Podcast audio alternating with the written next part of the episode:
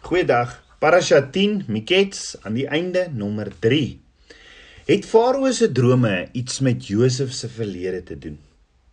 Ons het gesien die woordjies mooi van uiterlik. In Hebreëus is Jefat Toar of Jefat Mare. Nou, daar is slegs twee persone in die hele Torah, die hele eerste 5 boeke van die Bybel wat beskryf word as mooi van aansien. En dis Josef homself en Rachel sy ma. Ons het ook gesien lelik van aansien in Hebreëus is Raot Toar en maar van vleis in Hebreëus is Rakot Bazar.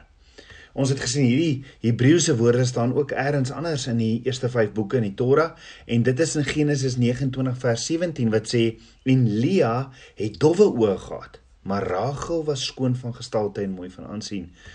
Dan gaan Farao verder en hy sê hy het verder gedroom in Genesis 41 vers 4 en die koeie wat lelik van aansien en maar van vleis was, het die sewe koeie wat mooi van aansien en vet was opgeëet. So as die mooi koeie en die lelike koeie iets met Josef se familiegeskiedenis te doen gehad het. Wanneer het die maar lelike koeie die vet mooi koeie in Josef se lewe opgeëet? Was dit nie 13 jaar gelede toe hulle Josef verkoop het nie? Want die broers het nie eers geblik of gebloos toe hulle Josef se kleed vir hulle pa bring en vir hom gesê het, "Is dit nie u seun se kleed nie?" Asof hulle van niks skuldig is nie. Soos wat die mooi koeie opgeëet en uit die pad gevat is, so is Josef verkoop en uit hulle pad gevat. Die enigste probleem met hierdie ontleding van Farao se droom is die hoeveelheid koeie. Dit maak nie sin nie, nê. Farao se droom het definitief iets te doen met Josef se verlede, maar die hoeveelheid koeie is net glad nie nie ooreenstemmend nie. Want as die mooi koeie Josef verteenwoordig, moes daar net een koei gewees het. As die mooi koeie Rachel verteenwoordig, moes daar twee koeie gewees het, want sy het net twee seuns gehad. As die lelike koeie Lia verteenwoordig, dan moes dit 6 koeie gewees het, want sy het 6 seuns gehad. So hoekom droom Farao van twee stelle van 7 koeie? Hoor gou weer wat sê Genesis 29 vers 17 en Lia het dowwe oë gehad maar Rachel was skoon van gestalte en mooi van aansien. Dan hoor wat sê wat sê net die volgende vers vers 18 en Jakob het Rachel liefgehad Daarom het hy gesê: Ek sal u 7 jaar dien vir Rachel, die jongste dogter. Met ander woorde, Jakob het 7 jaar vir Rachel gewerk en 7 jaar vir Lia, al het hy 8 dae na Lia met Rachel getrou. Maar is twee stelle sewes. So die koeie verteenwoordig jare. En toe Jakob saam met sy broers die vee opgepas het as herder, was hulle die vrug van die 14 jaar waarvoor Jakob gewerk het. Met ander woorde toe hulle vir Josef verkoop het, toe is dit asof die een stel 7 jaar die 7 jaar wat Jakob vir Lia gewerk het, die ander stel 7 jaar, dis die 7 jaar wat Jakob vir Rachel gewerk het, ingesluk het. Dit was asof Jakob se laaste 7 jaar vir Rachel nie bestaan het nie, want die vrug van die 7 jaar vir Rachel het verdwyn. En ek is seker Josef moes gedink het Farao se droom beteken iets oor sy verlede. Maar onthou ook die 12 seuns van Jakob waarvoor hy vir 14 jaar gewerk het, verteenwoordig die bruid van Yeshua. Met ander woorde, wie eens die droom wat Farao gekry het van Abba Vader gaan alles oor die welfaart van Abba Vader se kinders. Met ander woorde, die droom verteenwoordig 7 goeie jare en dis die sewe mooi koeie. Dan gaan daar ook sewe moeilike swaar jare wees, jare van hongersnood wat die sewe goeie jare gaan opeet. Dat almal skoon vergeet van die sewe goeie jare. Met ander woorde, daar moet dadelik gespaar word, want dit gaan dadelik begin gebeur. So Abba Vader het Josef se se eie lewe gebruik as die sleutel om Farao se droom te ontsluit. Met ander woorde, toe Farao met Josef sy droom deel, toe praat Abba Vader ook direk met Josef. Maar net Josef kon dit verstaan. Net so praat Abba Vader vandag nog met sy kinders. Daar's nog 'n betekenis in die droom van Farao, want soos ons gesien het, verwys die droom na die verlede van Josef, maar ook na wat in die toekoms gaan gebeur. Maar voor ons te vinnig aangaan, hoekom was Farao so ontstel oor die droom? As mens gaan kyk na die Egiptiese godsdiens, dan is dit wie eens nie sommer net toevallig dat Abba Vader spesifiek hierdie drome vir Farao gee nie. Jy sien Farao se drome het nooit gegaan oor Farao nie, want hy nie eers vir Abba Vader gedien nie. Maar hoekom was Farao dan so ontsteld? As jy gaan kyk na die embleem of die simbool van 'n koei in Egiptiese afgodsdiens, dan sien jy dit verteenwoordig die godin Isis, wat die godin van fertiliteit is. 'n Kalf of 'n koei het 'n baie belangrike rol gespeel in die Egiptiese afgodsdiens, want onthou toe die Israeliete 430 jaar later uit Egipte getrek het en hulle kom by die berg Sinai En Moses vat te lank op die berg. Wat bou hulle toe? Hulle bou 'n goue kalf, want dis wat hulle gesien en geleer het in Egipte. Moses kon hulle uit Egipte vat. Maar dit was nie so maklik om Egipte uit hulle te vat nie. Hulle was vir 430 jaar het hulle gewoon in Egipte en hulle was vir 430 jaar gewoond aan hierdie afgodsdiens van Egipte soos wat ons ook maar gewoond geraak het aan ons heidense feeste. So as jy die hoofgodsdiens geskrifte van die Egiptiese afgodsdiens gaan lees, dan's daar hierdie god met die naam van Osiris wat hulle aanbid het. Osiris wat die god was van plante groei, wat hulle oes vir hulle voorsien het en hierdie embleem van hierdie god Osiris is 'n bul vergesel met sewe vetgesonde mooi koeie. Hierdie afgod Osiris was ook die god as jy tot sterwe gekom het wat na jou gekyk het na afsterwe. Dis die afgodsdiens wat Farao aanbid het en die simbool van hierdie afgod wat die lande vir hulle voorsien van oeste en wat na hulle gaan kyk die dag as hulle die aarde verlaat met afsterwe hierdie hele simbool of hierdie afgod dit waarvoor hy gestaan het word nou som opgeëet en word vernietig deur sewe maar koeie. En hierdie sewe maar koeie lyk nie eers anders nadat hulle hierdie god van Egipte opgevreet het nie. So is daar dalk nog iets anders wat Abba Vader ons hier binne wil leer. Farao is angstig en mens kan klaar begin sien hoekom hy angstig was oor hierdie droom. Maar dan raak Farao weer aan die slaap. En Genesis 41 vers 5 tot 7 sê en hy het weer aan die slaap geraak en nog 'n keer gedroom. En kyk, sewe vet en mooi are skiet op aan een steel. En aan hulle sprei daar sewe are uit wat maar en deur die oostewind verskroei was. En die maar are het die sewe vet en vol are verslind.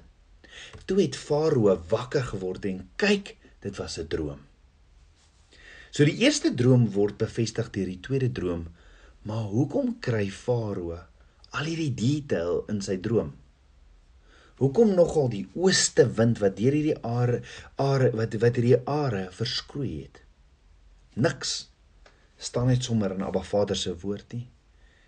Die ooste wind word 21 keer in die meeste van alle winde in die woord van Abba Vader oorgepraat.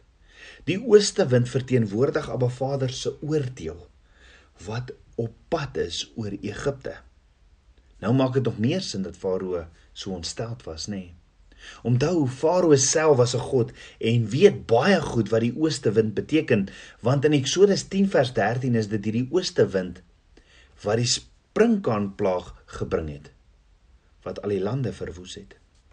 In Eksodus 14 vers 21 is dit die ooste wind wat die see, die Rooi See oopgemaak het en wat die hele weermag van Egipte vernietig het. So die ooste wind is regdeur Abba Vader se woord hierdie prentjie van Abba Vader se hand van oordeel wat op pad is. En Farao droom van hierdie ooste wind wat hierdie maarare verskroei het en wat hierdie hele oes, hierdie sewe vetare gaan opeet. En Farao word wakker en hy is ontstel. Farao roep al die wyse manne en towenaars om die droom te kom ontleed. En hulle kan nie Farao se droom ontleed nie. En hulle gaan haal 'n Hebreëse man uit die tronk uit om Farao se droom te ontleed. So wat sê Josef toe van Farao se drome? Josef se interpretasie word gesien in Genesis 41 vers 29 tot 37 waar hy sê: "Kyk, daar kom 7 jare van groot oorvloed in die hele Egipte land.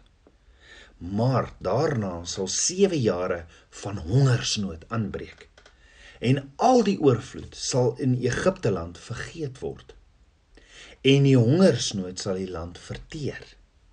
En van die oorvloed sal in die land niks gemerk word weens die hongersnood wat daarna sal wees nie want dit sal baie swaar wees.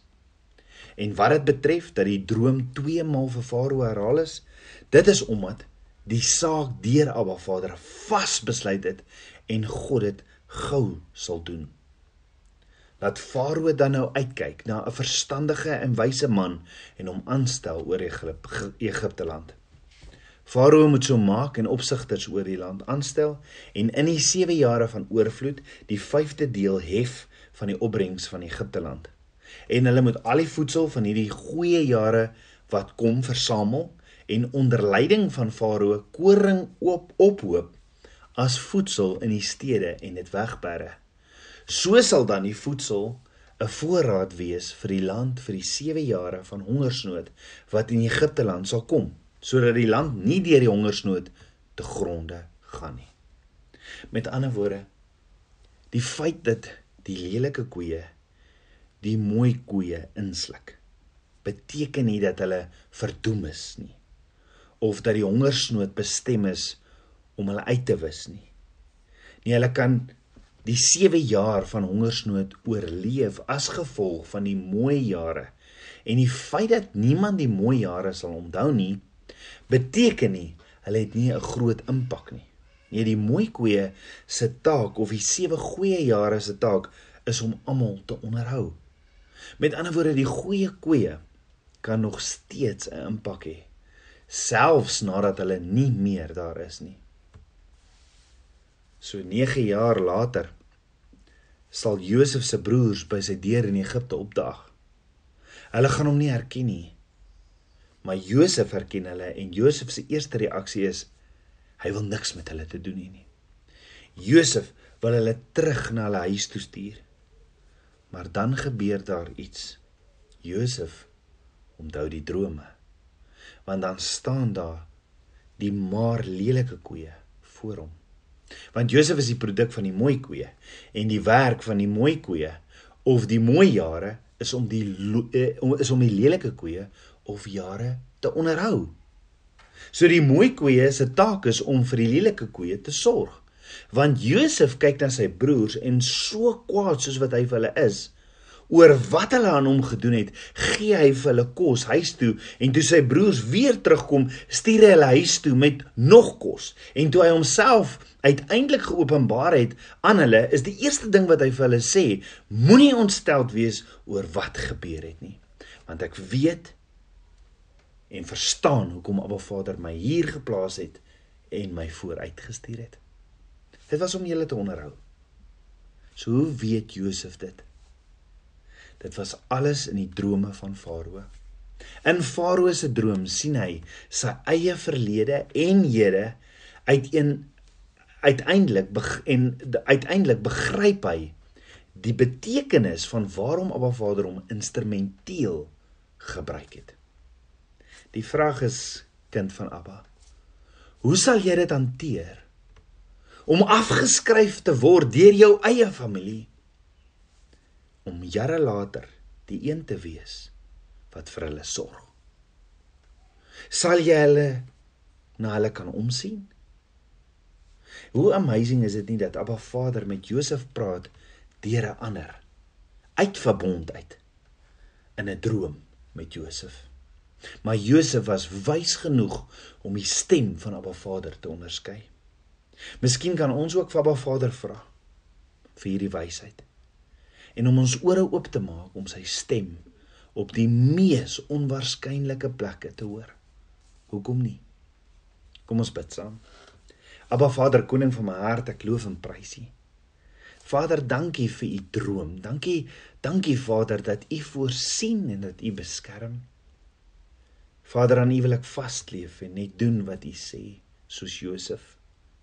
Mag ek 'n instrument in U hande wees, soos Josef. Meer en meer van U, Papa God. Ek bid dit alles in Yeshua Messie se naam, die seun van Jahweh. Shalom.